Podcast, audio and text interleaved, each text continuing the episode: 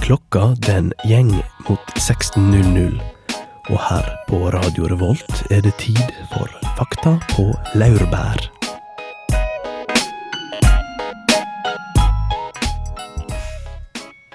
Du hører telefonen ringe. Hvilke nyheter vil den bringe? Den nære fremtida er lett å spå. Mandager er fortsatt blå. Men fremtida er mer enn i morgen.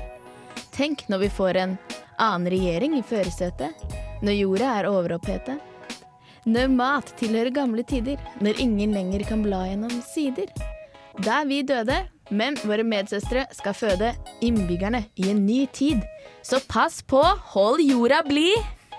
Ja, det var vår oppfordring i dag. Ukas sending skal handle om framtida, både fjern og nær.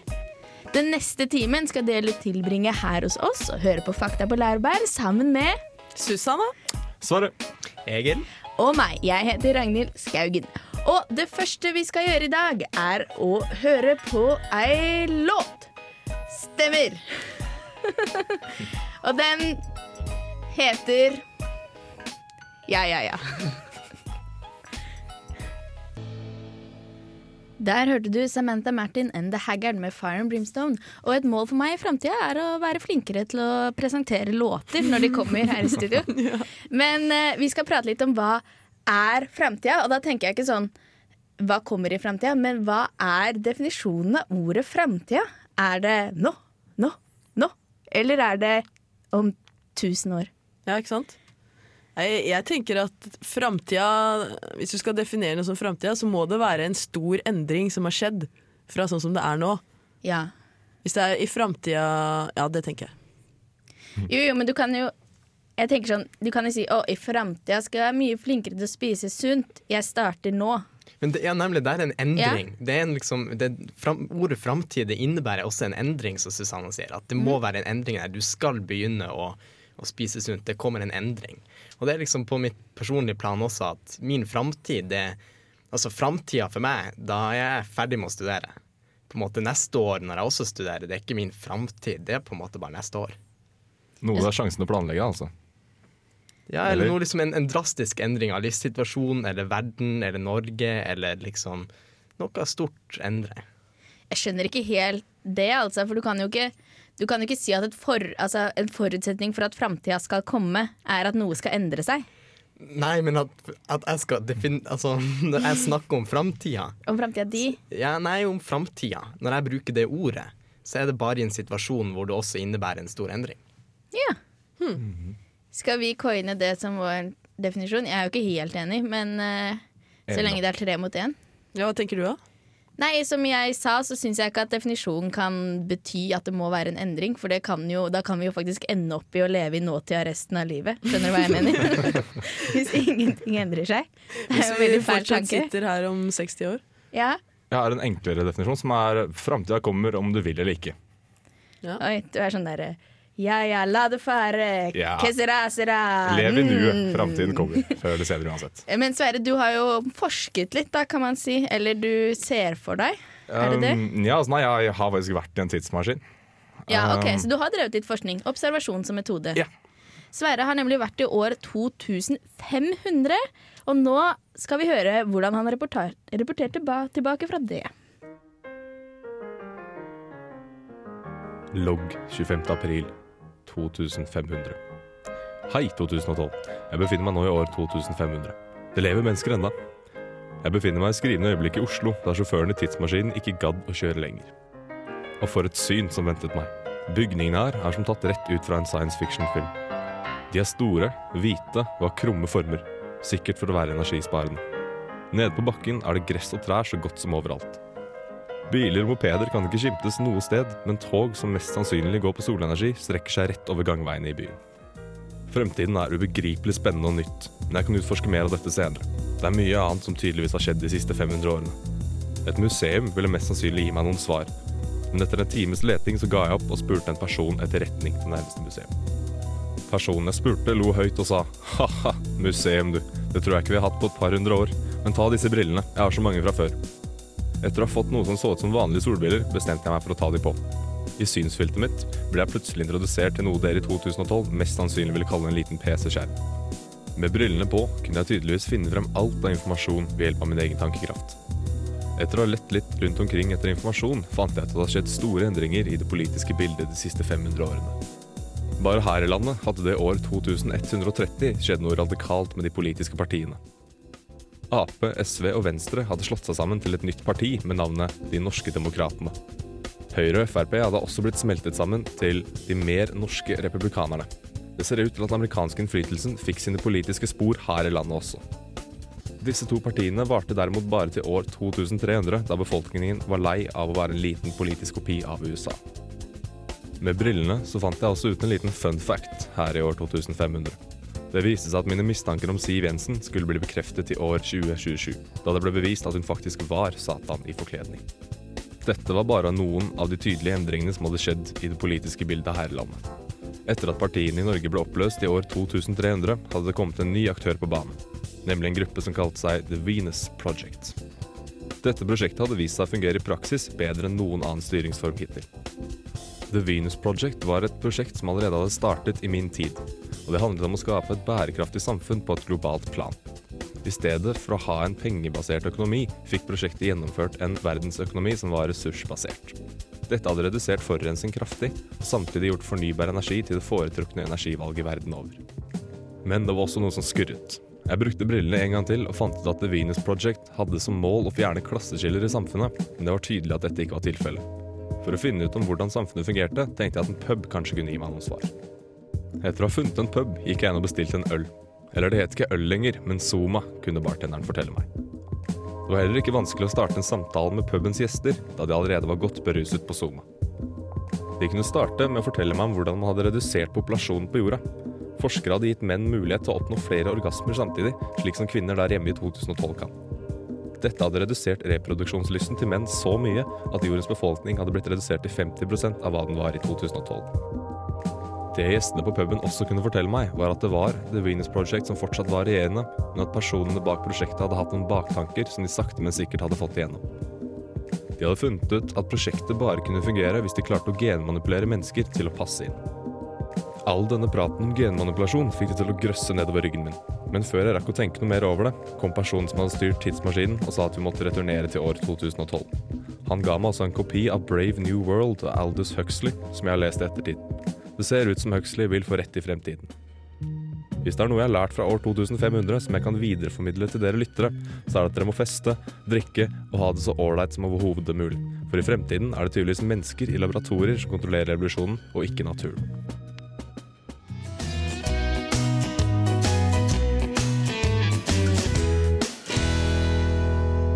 Fakta på laurbær. Der hørte du Flatbush Zombies med Thug Waffle, og det er yndlingslåta til alle her i Fakta på TV. Ja, den er så fin. Den er Den er kul. Det er gangster. Ja, og så heter de jo zombier, da. Flatbush zombie. Vi skal ikke diskutere hva flatbush betyr for noe, men zombier har vi et alle et forhold til. Og Susanna, du er jo litt bekymret for at zombiene skal komme, du. Det er ikke mulig at det er en del av fremtida. Det vil i hvert fall innebære en stor endring, Ja. Ja. Og dermed passe under definisjonen. ja um, hvorfor har det ikke Jo, har det skjedd Har vi hatt noen zombietilfeller hittil? Nei, jeg tror ikke det. Mm, Jeg har hørt noen vage rykter fra Haiti en gang i tiden. Det er ikke et helt sikker kilde der, men det var visst en person som gikk rundt i årevis som en zombie og ikke klarte å finne veien hjem. Men det hadde skjedd noe med hjernen hans. Men eh, om han Ja. kan bli definert som zombie, er jo Det eneste jeg kommer på, er kanskje Jesus. Er jo Mm. Sto jo opp igjen fra de døde. Ja, det er sant. Ja, men det er det eneste tilfellet. Han spiser jo også liksom menneskekjøtt, eller, eller Han spiser sitt andre eget legeme. Ja, ja, legeme og vin og blod og alt. Det passer. Ja. Det passer, det passer kjempebra. Ja. Men la oss si at uh, Jesus ikke var et engangstilfelle, da, og det kommer flere zombier rett rundt hjørnet. Hva er det vi skal gjøre? Jeg tror trikset er å, å ødelegge hjernen, skyte i hodet. Det Ok. jo Da må du ha et våpen. Har du det sånn. Nei, jeg har ikke det. Jo, vi har jo ett våpen. Jeg har ostehøvel, liksom. Eller Ja, noe sånt kan Du er forberedt, René. Men er er ikke jeg har også kniv. Jeg vet ikke ja, de er sterke. Det kommer an på. da. Du har jo filmer hvor zombiene er raske og treige. Og optimalt sett så ville jo de treige vært det beste, for da kunne du tatt så god tid i verden ved å drepe dem. Ja, det er sant. Men jeg lurer på hvordan vi skal unngå dette. Og da tenker jeg, altså Nå begynner jo kirkegården å bli fulle snart.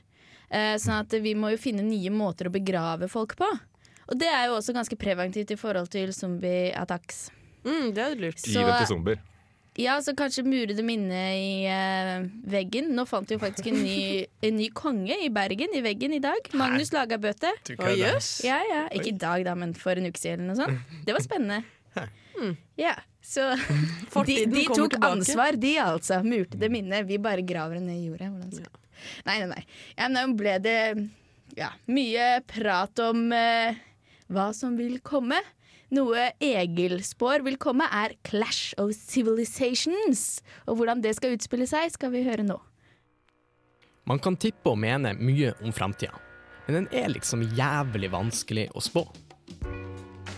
Selv å gi prediksjoner om 20 år fram i tid er vanskelig, og det blir stort sett feil. Man klarer sjelden å spå f.eks. hvordan teknologiske nyvinninger som kommer, og den økonomiske situasjonen i f.eks. 2030 er vanskelig å mene noe om når man ikke engang er sikker på om Norge sin økonomi i dag er på vei oppover eller nedover. Politikk er også vanskelig. Det er meningsløst å prøve å spå hvordan partier som styrer i 2030, men man kan jo selvfølgelig prøve å mene noe om hvordan retning. Kommer høyrebølgen som har ramma Norge de siste 15 årene til å fortsette? Er vanskelig å si, men kanskje er det enklere å spå internasjonal politikk. I 1992 ga Samuel P. Huntington ut boka The Clash of Civilizations. I denne boka argumenterte han for at nå som den kalde krigen var over, ville konfliktene og politikken på verdensbasis ikke være først og fremst økonomisk eller politisk ideologisk orientert, men at framtidige konflikter vil ha opphav i konflikter mellom ulike kulturer, ulike sivilisasjoner. Huntington traff i alle fall delvis blink med spådommene sine. Afghanistan og Irak er enkle eksempler. Men å beskrive det politiske verdensbildet i dag for Clash of Civilizations, det blir litt rart. Mange mener likevel at utviklinga beskrevet i The Clash of Civilizations har så vidt begynt.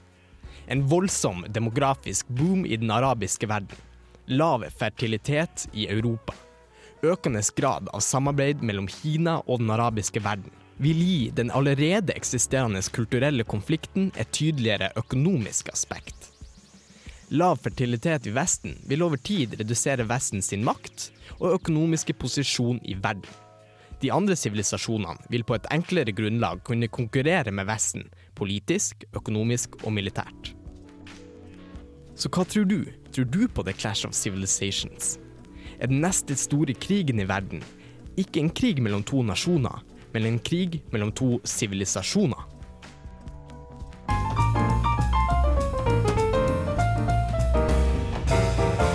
Fakta på laurbær.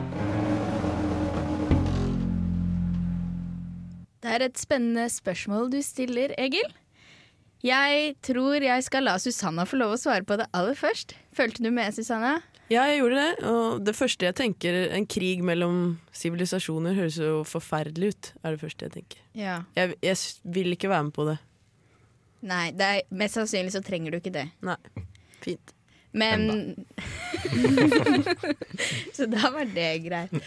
Men om det kommer til å stå mellom sivilisasjoner Det er jo mange som spår at neste krigen kommer til å være om vann, eksempel. Butrus Butrus Gali gjør det iallfall. Det gjorde han for lenge siden, da. Ja, det er jo liksom to veldig ulike synspunkter. Er det ressurser og økonomi som kommer til å ja, føre til krig i, i framtida, eller er det ulike kulturer? Og ja, Clash of Civilizations sier jo altså at det er kulturene som er, gir opphav for krig eh, i framtida. Og det er jo helt eh, ulikt fra hvordan det har vært før, med altså, krigene i Europa mellom helt like kulturer. Og krigene, altså, ja, og politisk krig, kalde krigen mellom eh, USA og, og Russland. Så um, ja, ser man noen eh, antydninger til en kulturell krig med Irak, Afghanistan? Er det her Ja, det var, det på, altså det var de, de to eksemplene jeg hadde tenkt å trekke fram som på en måte de, ja, de små så, ja, frøene da, som kan spire videre til noe skummelt. Mhm. Men ja, det, Jeg, jeg kan Må jeg bare fnise? Men det er ikke noe å le av, faktisk, for det er veldig skummelt. Det er jo, altså, tanken hans er jo at det er så store motsetninger mellom de her kulturene at når det i tillegg kommer som problemer med ja, økonomi og ressurser og kamp om det, så vil eh, ja, det, det er jo en dyster spådom, da. Ja, jeg Du var innmari dyster nå, Egil. Ja. Egil hadde egentlig tenkt å prate om eh, hvordan befolkningen i ulike land kommer til å s- se ut om flere år, men så ombestemte han seg siste liten og skulle prate om krig og fred og virkelig et minefelt av, av Men det, meninger. men det er jo litt kobla sammen, i og med at altså, befolkningsvekst er også viktig for, for utviklinga av krig og fred. Jeg mener, når Europa blir eh, ja, færre og færre, eller altså befolkninga går ned i Europa til og med, og når det er en så befolkningsvekst i den arabiske verden, så vil jo det gi ulike politiske situasjoner, da. Ulike maktforhold i verden. Det er interessant. Og det med at det også er alle ønsker så mye økonomisk vekst, er jo også et problem. For alle, man kan jo ikke ha økonomisk vekst overalt til evig tid. På et eller annet punkt så må jo noen mm, begrense seg, og det kan jo også være litt sånn eh, grunn til krig. Ja, Dystert det her, altså. Ja. Ja, det var veldig dystert. Men på den annen side så vil hele verdens befolkning Det er jo det man lager på en måte fremtidsprojeksjoner om hvordan vi skal bruke ressursene. Og alle projeksjoner sier at hele verdens befolkning vil være mer kjøpesterke i fremtida enn det de er nå. Fordi at det, altså markedet vil bare øke og øke. Sånn at sånn sett så Ja, hva skal man si? At det ikke er noen grunn til å eh, Grunn til å spare noe til de som kommer etter, da. Ikke noe grunn til å spare ressurser, spare penger. Eh, ikke grunn til å ta de store liksom, utgiftene nå, fordi de som kommer i framtida, vil være like kjøpesterke eller mer kjøpesterke enn oss. Det er jo noe å tenke på på et helt annet tema. enn vi var. Ja, vi kan kanskje ikke begynne å diskutere det akkurat nå, men jeg har veldig lyst. veldig, veldig lyst. Ja, Kom igjen, da. Sleng inn et lite argument. Jeg merker at det er et motargument. Nei, jeg mener um, Jeg vil påstå at det er Nei, nei, nei, jeg gir meg. Ja. Ok, ja, men det er fint. Ja, men altså, jeg syns nå, sånn som eh, hva skal vi si, Hans Rosling sier, vi må passe oss litt for de snikende tigrene fra Østen. Ikke det at det, Men altså, ingen De snikende tigrene fra Østen er jo det som før var India og Kina, da, som på en måte sneik seg opp, og så plutselig var de på vestlig nivå, og vi merka ikke at det skjedde engang. Og det samme skjer jo nå i Afrika, at de blir mer og mer kjøpesterke. De får bedre og bedre økonomi, og plutselig så er de på vestlig nivå. og Ingen har lagt merke til det, for vi har vært opptatt av å se på India og Kina og bekymret oss for befolkningsveksten der. Ja. Gikk ikke det bra med India og Kina hittil? Jo, det går jo selvfølgelig fint, men de kjøper jo, ja, som jeg har nevnt tidligere, de kjøper jo jord og mat av, av Afrika. Hvordan skal det gå når Afrika også får penger nok til å kjøpe jord og mat av, av hvem? Mm, interessant spørsmål. Ja, kjempeinteressant. Hva fremtida kan bringe. Ja, det er så mangt. Så mangt. fremtida bringer i hvert fall dunes og jukebox, det er vi helt sikre på. Fleip eller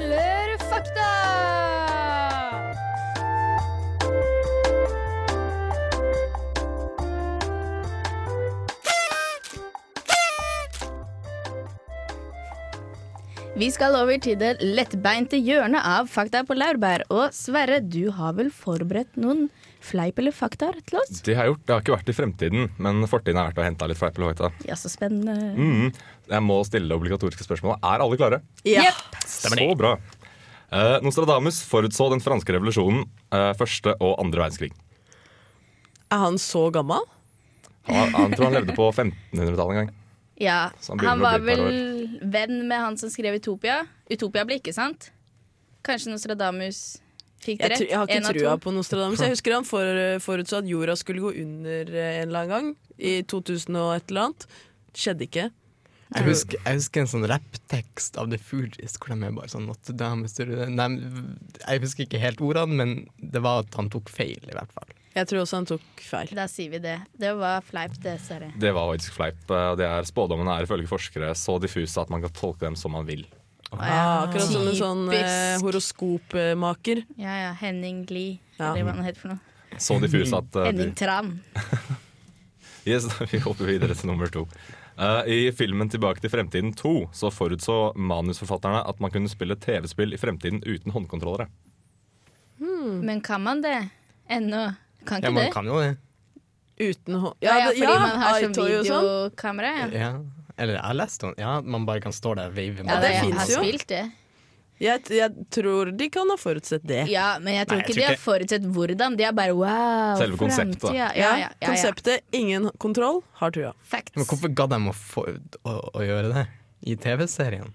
Nei, i De var vel ikke? Interessert i spill. De tenkte bare sånn OK, vi lager en liste over masse ting som kan skje i framtida, så vi kan krydre okay, filmen med. ok. Ja, fakta. Ja. Fakta på alle tre. Yes. Ja, poeng til alle tre, det også. Mm. Eh, nummer tre. Eh, på et tidspunkt i fremtiden vil jorda krasje med solen.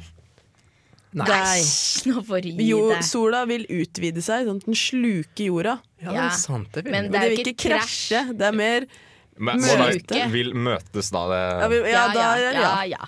Ja. Det er lenge til, da. Ja, det er veldig lenge til. Eh, Det er fakta. Eh, Forskere tror det vil skje i løpet av fem milliarder år. Så vi er ca. halvveis hvis vi tenker på jordas. Um, Ja. Innen den tid hadde vi vel klart å kolonisere noe nytt. Får krysse fingrene for det. Det er poeng til alle tre igjen. Det her er jo plankekjøring for dere. ja, ja, ja. Framtida er det vi kan. Mm. Ifølge filosofen eh, David Hume er det umulig å kunne si noe 100% om fremtiden. Han Ja. var jo relativist. Ja, Det er jo han som sier at sola ikke skal stå opp i morgen. Ja, dust. Ja, nemlig. Det er det. ja. Og at vannet kan renne oppover neste gang du skrur på springen. Å, jeg digger han. Han er kul. Mm. Men det er også veldig slitsomt. Ja, det er Tenk, å være sammen med han, da. Det er bare, Alt du sier skal Ja. rettes på. Og så er det bare sånn Skal på kino i morgen? Er du sikker på at du skal på kino i morgen? Kan du ta ut søpla? Nei, jeg er ikke sikker på om søppelkassa står der lenger. skjønner du. Så det gjør jeg ikke. Jeg kan faktisk forsvare æren til Hume også. Han pleide å henge med vanlige folk, eh, i anførselstegn, eh, bare for å slippe å være sånn hele tiden. Så han hadde en Ah. slags balanse. Men det er fakta. Så. Poeng til alle. Har du en til? Jeg har en til. Uh, Veldig Jim, kort. Veldig kort. Jim Morrison forutså artister som DJ Tiesto, Armin van Buren og Dad Guetta i 1969. What? Kanskje han gjorde det i et Kanskje han sinne. foreslo at det skulle være sånn oh, datamaskiner lager man musikken. Han sa at det var én person med én maskin som lager musikk i fremtiden. Fakta. Ja. Fakta. Dette her er et band. Det er Band of Skulls, ikke bare én person. Og You're Not Pretty, but you got it going on. Fakta på laurbær. Det finnes mange måter å spå framtida på. Antikken hadde orakler, Trelawney hadde teblader, noen har Jesus, andre Mohammed. Jeg tenkte å sette min lit til Google. Jeg går alltid dit når jeg lurer på noe, og nå lurer jeg på hvordan framtida kommer til å bli. Jeg bruker søkeordet 'framtida', og svara tikker inn. Framtida er digital, melder regjeringa. Norsk målungdom ønsker seg Wordfeud på nynorsk i framtida. Og Norsk Klimanettverk mener at framtida er fornybar. Men det er Dagbladet som fanger oppmerksomheten min. De kan melde at framtida allerede er her. Verdens første flygende bil har forlatt det todimensjonale og er allerede ferdig testet. Fartøyet heter PAL-V, Personal Air and Landing Vehicle, og er et gyrokopter. Den bruker 165 meter på å lette. Så om du følger med på trafikkmeldingene på P1, kan du lett passere rushtrafikken. Alt du trenger, er pilotlappen, et sertifikat og en god slump med cash. Og så kan du fly over Dovre når fjellovergangen er stengt. Fremtida er her allerede, Jeg har altså. veldig lyst på flyvende bil. Jeg tar lappen jeg, hvis det kommer. Hvis den kommer. Du Men du må ha pilotlappen også. Det var det jeg nevnte. Og cash. No. Du kan Ah. Går, går den på propell? Den Ja, bilen? jeg tror den går på propell. Ja. Fordi den ligger altså jeg tror propellen ligger Jeg så noen bilder, skjønner du. Propellen ligger nede på ryggen av bilen til du aktiverer den. Zum, zum, zum, zum, zum, og så går det opp. OK, ok, så det er litt sånn helikopterbil? Ish, gyrokopter kalte de det. Okay. Du kan også kjøre den på veien. Du kan kjøre på veien, og den går opp i 180 km i timen. Både på veien og i lufta. Oi! Tenk deg da, du står på Elgeseter bru klokka fire, og bare Så kan du bare sette i gang propellen og fly hjem. Ja, Det det er er, helt superkult. Du kan fly til Oslo, fly til Ja, Bergen, fly over fjella. Jeg hadde betalt pirattaxi hvis det hadde vært slik. altså Ja. Ja, jeg er helt enig. Men fremtida er jo her allerede, da, tydeligvis. Flyvende bil var på en måte det vi spådde i konfirmasjonstalen min. Mm. Så sa jeg faktisk i fremtida kommer vi til å ha flyvende biler. Det var ikke for familien min, riktignok. men- Ambisiøse unge Ragnhild. Ja, ja, ja. Jeg var helt sprø. Men hva er da framtidas oppfinnelser? Hvis oppfinnelsene på en måte har tatt oss igjen? Visjonen har tatt oss igjen? Jeg skulle til å si jetpack, men det, det finnes jo det òg. Ja. Ja. Jeg har to ønsker til framtidens oppfinnelser. ja. Det ene er et atomkraftverk som går på fisjon. Ja, den er jeg enig i. Word, Susanna. Da hadde mine, mine sorger vært slukket. Hvis ikke det kommer, så er andrevalget mitt eh, veldig, veldig gode batterier. Veldig gode batterier, Så man kan lagre fornybar energi bedre. Det hadde vært lurt. Jeg har også et lite Ja. ønske som er um, i fremtiden en liten device som gjør at uh, hvis du mister brødskiva på gulvet, så faller den alltid riktig vei. Da er jeg fornøyd for resten av livet. Ja. Du ber ikke om stort, Da er jeg er ikke så veldig kravstor. Lever i nå med små krav. Hva med deg, Egil? Hva er det du etterlyser? Ja, du skal ha jetpack. Ja, jeg, jeg føler vi har alt vi trenger, ærlig talt. Kanskje rett og slett jeg etterlyser tilfredshet. Ja. Oh. Men skulle det vært noe, så må jo oppfinnelsene komme innenfor uh, energifeltet, da, tenker jeg. Det må vi da få til. Det må vi få til. For eksempel så driver du og forsker på eh, å ta energi, bio, ja, bioenergi fra alger. De, mm. altså gror et stort algefelt ute i havet. Og de driver også og forsker på eh, tang og tare nå. Ja. Kan bare dyrke det i sånne, ja, Ja, ja. I sånne ja, små åkre i havet. Da. Og de kan man jo spise. I gamle dager så var det jo Så brukte man jo tang og tare som uh, fôr til husdyrene sine. Så hvis det går skikkelig skeis, Så kan vi bruke det til så det. kan vi bruke det til det. Mm. Men det her er jo på en måte ikke en slags oppfinnelse. Det er jo mer naturens gave til oss. Men det, det blir så vanskelig å, å, å predikere sånne oppfinnelser. De er jo ikke funnet opp. Nei. Hvis vi hadde visst det, så kunne jo vi blitt oppfinnere. Ja. Men Sverre, du nevnte jo briller med PC-skjerm. Ja, ja, det er allerede kommet nå. Jeg Ja. så det først. Nei, altså, eh, Google i hvert fall hadde en slik reklamevideo der hvor du kunne gjøre alt nesten med Alt du kan gjøre på Facebook for eksempel, eller en smarttelefon, kunne du gjøre med brillene. Og jeg vet hva jeg vil ha. Okay. Jeg, vil ha jeg vil ha eh, Fifa på, på, på TV-en, hvor man slipper å bruke en sånn kontroller. Man bare styrer fotballspillerne med hodet. Kommer du aldri til å gjør du de klare alt det tenker? du, ja, og så bare tenker du hvordan de skal Tenk spille. så slitsomt det er hvis du bare soner litt. Det er det jeg er litt redd for. da Hvis du for du skal kjøre en bil bare med hjernen. Tenk hvis du soner ut og bare hm, 'Hva skal jeg ha til middag i dag?' Psh, psh, Du har jo bil på autopilot i fremtiden. vet. Nei, nei, du styrer den med hjernen. Du må være så konsentrert. Ja, det er farlig. ja Vi kan ikke drive, begynne med det, tror jeg. Nei, men eh, ja, vi får dra visjonene litt tilbake, men bare fram til 2042. Ja, For da har Frp hatt makta i 30 år. ja det er sant. Spår Susanna, da. Med veldig, veldig dystre øyne. Ikke sine egne. Nei, ikke med, ikke med mine egne øyne. Det er en liten eh, big ups til Fremskrittspartiet, som hadde landsmøte nå i helga. Den er til dere. Ja, først Først skal vi høre på Mathias Stube med 'Soon a Brighter Day'. Og etterpå så skal vi høre hvordan fremtidas Norge er hvis Frp har styrt i 30 år.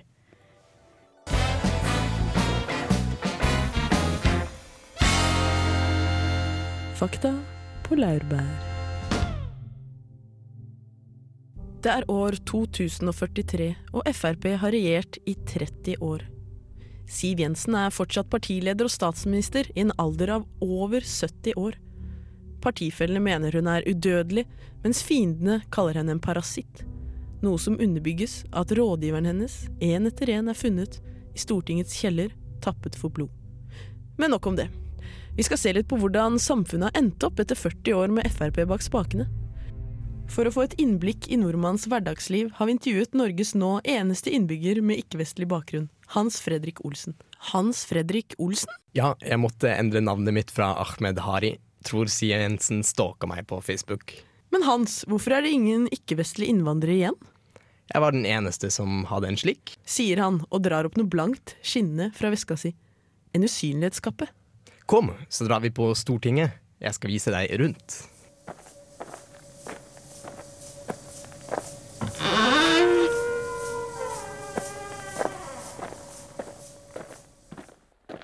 Vi går inn i bygget og kommer raskt til et forlatt kontor. I FrPs egne rekker er det mye som har skjedd. Kontoret tilhørte Ove Vanebo, FpUs tidligere leder. Hans triste skjebne preger fortsatt partiet. Da Frp kom til makten, var noe av det første de gjorde å fjerne momsen på alkohol.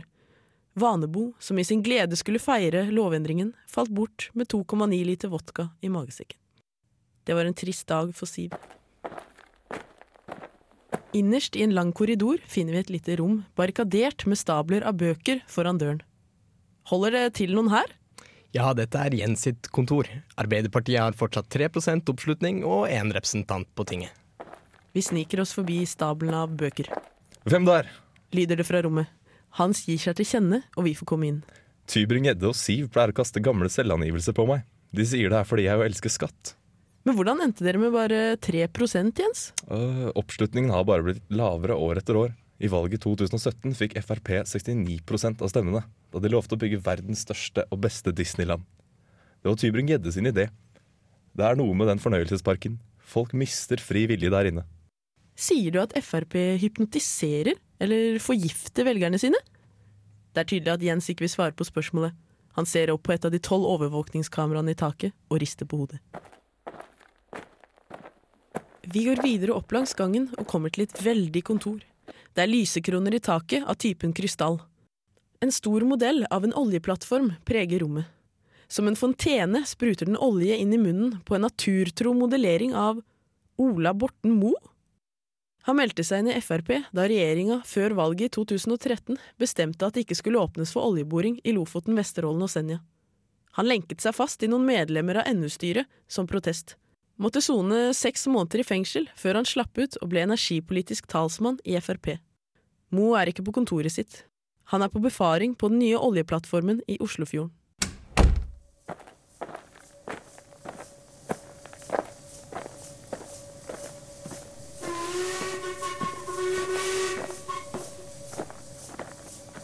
Vi forlater Stortinget og beveger oss nedover Karl Johan. Det er varmt, nesten 30 grader. I mars. Det er stille i gatene. Nesten postapokalyptisk stemning. Hver torsdag går råoljeforbrenningsanlegget på Grønland for fullt. Folk blir anbefalt å holde seg inne. Jeg ymter frampå at jeg gjerne vil se operaen. Det er så lenge siden sist jeg var i Oslo.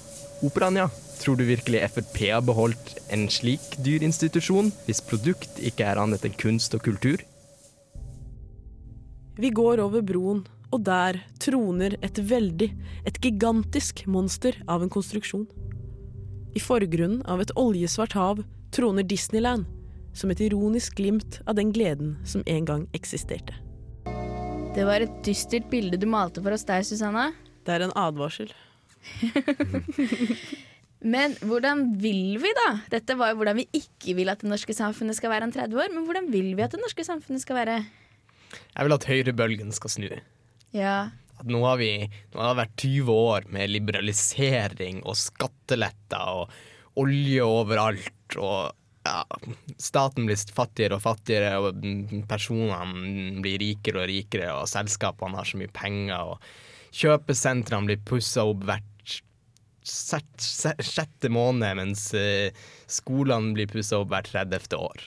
Men Halvdan Sivertsen håpet jo at eh, ja, vinden fra høyre snart ville snu en gang på 70-tallet også. Hvorfor har den ikke gjort det, og hvordan kan vi få den til å snu? Nei, det Kan lage vindkraft av den. Ja, stemmer. Mm, fornybar energi. Vind fra høyre. Vi satser på fornybar energi. Kommer til å sluke hele greia. Ja, det, vi må nok det. Altså. Ja, ja jeg tror altså, den rød-grønne regjeringa gjør seg jo godt under kriser.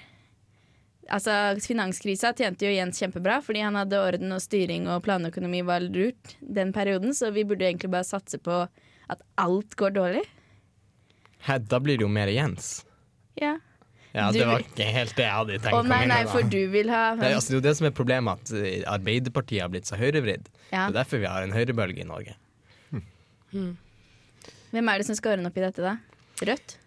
Altså Med SV som bare forsvinner og forsvinner, så hei, kan det hende at Rødt etter hvert kommer til å få en person på tinget! Nei, det hadde jo vært knall, dere. Ja, Ja. Jeg eh, så litt over eh, parolene som LO har foreslått til 1. mai i år. Og der var den ene parolen noe så drastisk som 100% skatt på all inntekt over 1,5 millioner. Er det, er det helt Oh. crazy? Jeg hadde likt det. Ja. Jeg, men fordi Altså, 1,5 millioner. Det må jo selvfølgelig justeres etter inflasjon, altså Ja. Men 1,5 millioner, du lever godt og fint på det. ja. Ja. Så ingen trenger mer enn 1,5 millioner i året? Ja. Det kommer an okay. på standardene dine. Ok, Eh, men ok, La oss si ingen skatt over 3 millioner, da. Ja, tre litt Tre mer- millioner. Det kunne kanskje vært greit på tre millioner. Ikke noe Fordi bedre. at jeg syns, altså jeg syns jo faktisk at de som har tatt en utdannelse og ja, og gjort en liten innsats, fortjener å tjene en del. Men det taket kan godt gå på tre millioner. Trenger ikke å tjene mer enn det. Men allikevel, altså, du skal ikke se bort fra grådighet som et insentiv til å jobbe hardt og skape økonomisk vekst og flere arbeidsplasser. Ja, det er jo, sant. kapitalistene er jo noen svin, men de skaper jo arbeidsplasser. Ja, ja, vi kan ikke tvinge folk til å jobbe. Nei. Eller kan vi? Eller ja, ja, ja. Men en annen, ting, en annen parole er jo sekstimersarbeidsdagen. Jeg er for. For Altså, jævlig Jeg er veldig for. Det har vi råd til. Ja, det har vi råd til. vi Tenk dere er ha ni til altså. tre. Ni til tre, dere. Det hadde vært supert. Så da ses vi alle under I den parken første mai-parolen. Stemmer det? Altså i parken etter tre. Vel, vel. Å, det er en herlig visjon for landet vårt. Vi skal høre på Kailisa med To Forget, og dette her er et opptak fra når de spilte live på Samfunnet. I dag har vi kommet med masse spådommer. Temaet for dagens sending har vært framtida. Min yndlingsspådom for framtida er sekstimersdagen. Ja, jeg er enig. Du er enig? Hva med deg, Egil? Ja, min minst yndlingsspådom var Clash of Civilizations, altså. Bedre enn scenarioet Susanna har malt for deg. Frp har styrt i 30 år. Hva er verst? Den er vanskelig. Hva er verst? Det er pest eller kolera her i dag. Heller Frp enn krig. OK, OK, OK. ok Og Sverre, hva er det du gleder deg til i framtida? Brødskiver som ikke faller feil vei.